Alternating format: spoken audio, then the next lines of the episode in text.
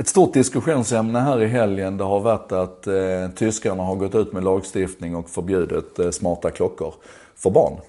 Och man gör det här i stor stil verkligen. Det är inte bara försäljningsstopp och så utan man går ut och uppmanar föräldrarna att slå sönder de här klockorna. Man går ut och uppmanar skolorna att hålla koll efter de här och se till att barnen inte har dem på sig. Och uppmärksamma föräldrarna på att det här är förbjudet nu. Så det, är, det är en massiv front och ett riktigt angrepp här emot smarta klockor för barn.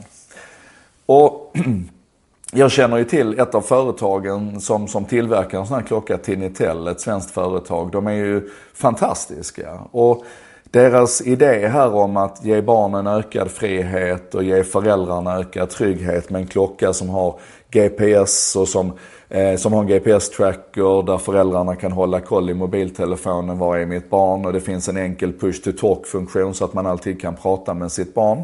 Även om de springer runt lite grann ute i skogen. Och det är enkelt för dem att ringa och så. Alltså det är en supersmart produkt och det är alla de här produkterna. Och de vill ju mena gott med det här men tyskarna har sett något annat. Och det har man då bland annat gjort för, för att det har kommit en, en rapport ifrån, ifrån Norge där man har konstaterat att mycket av den här kommunikationen är okrypterad. Eh, man har kunnat, det har varit ett, ett eh, eh, tidigare en hackerattack mot ett av de här företagen där det visade sig att man hade lagrat en massa information som man inte skulle lagra och det var okrypterat hela vägen. Så med andra ord, det känns som att det har gått lite fort och blivit lite fel när det gäller de här smarta klockorna för barn. Och min första reaktion i sådana här fall, det är ju alltid att jag tycker, nej men herregud, vad är, är de galna nu de här tyskarna? Reglering och sånt, det ska vi inte hålla på med. Men sen är min andra tanke att vänta här nu, det kanske är rätt smart ändå att vi, att vi väljer ut vissa så här smala sektorer och så gör vi rakbladsvassa angrepp in i den sektorn. För vad vi kan åstadkomma då är kanske att vi inte bromsar utvecklingen utan att vi bara styr den.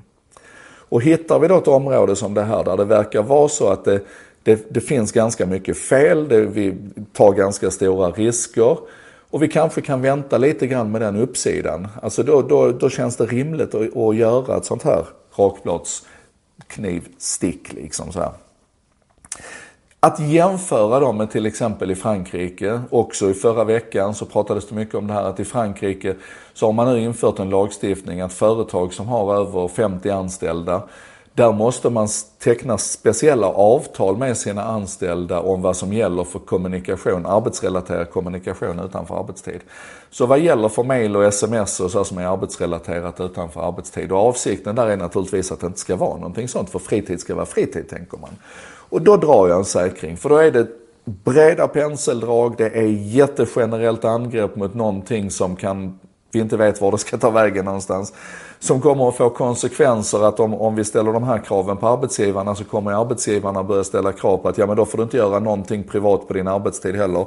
Och så är vi tillbaka på 1800-talet och stämpelklocka och sånt där vi själva verket skulle kunna vara mycket mer flytande här.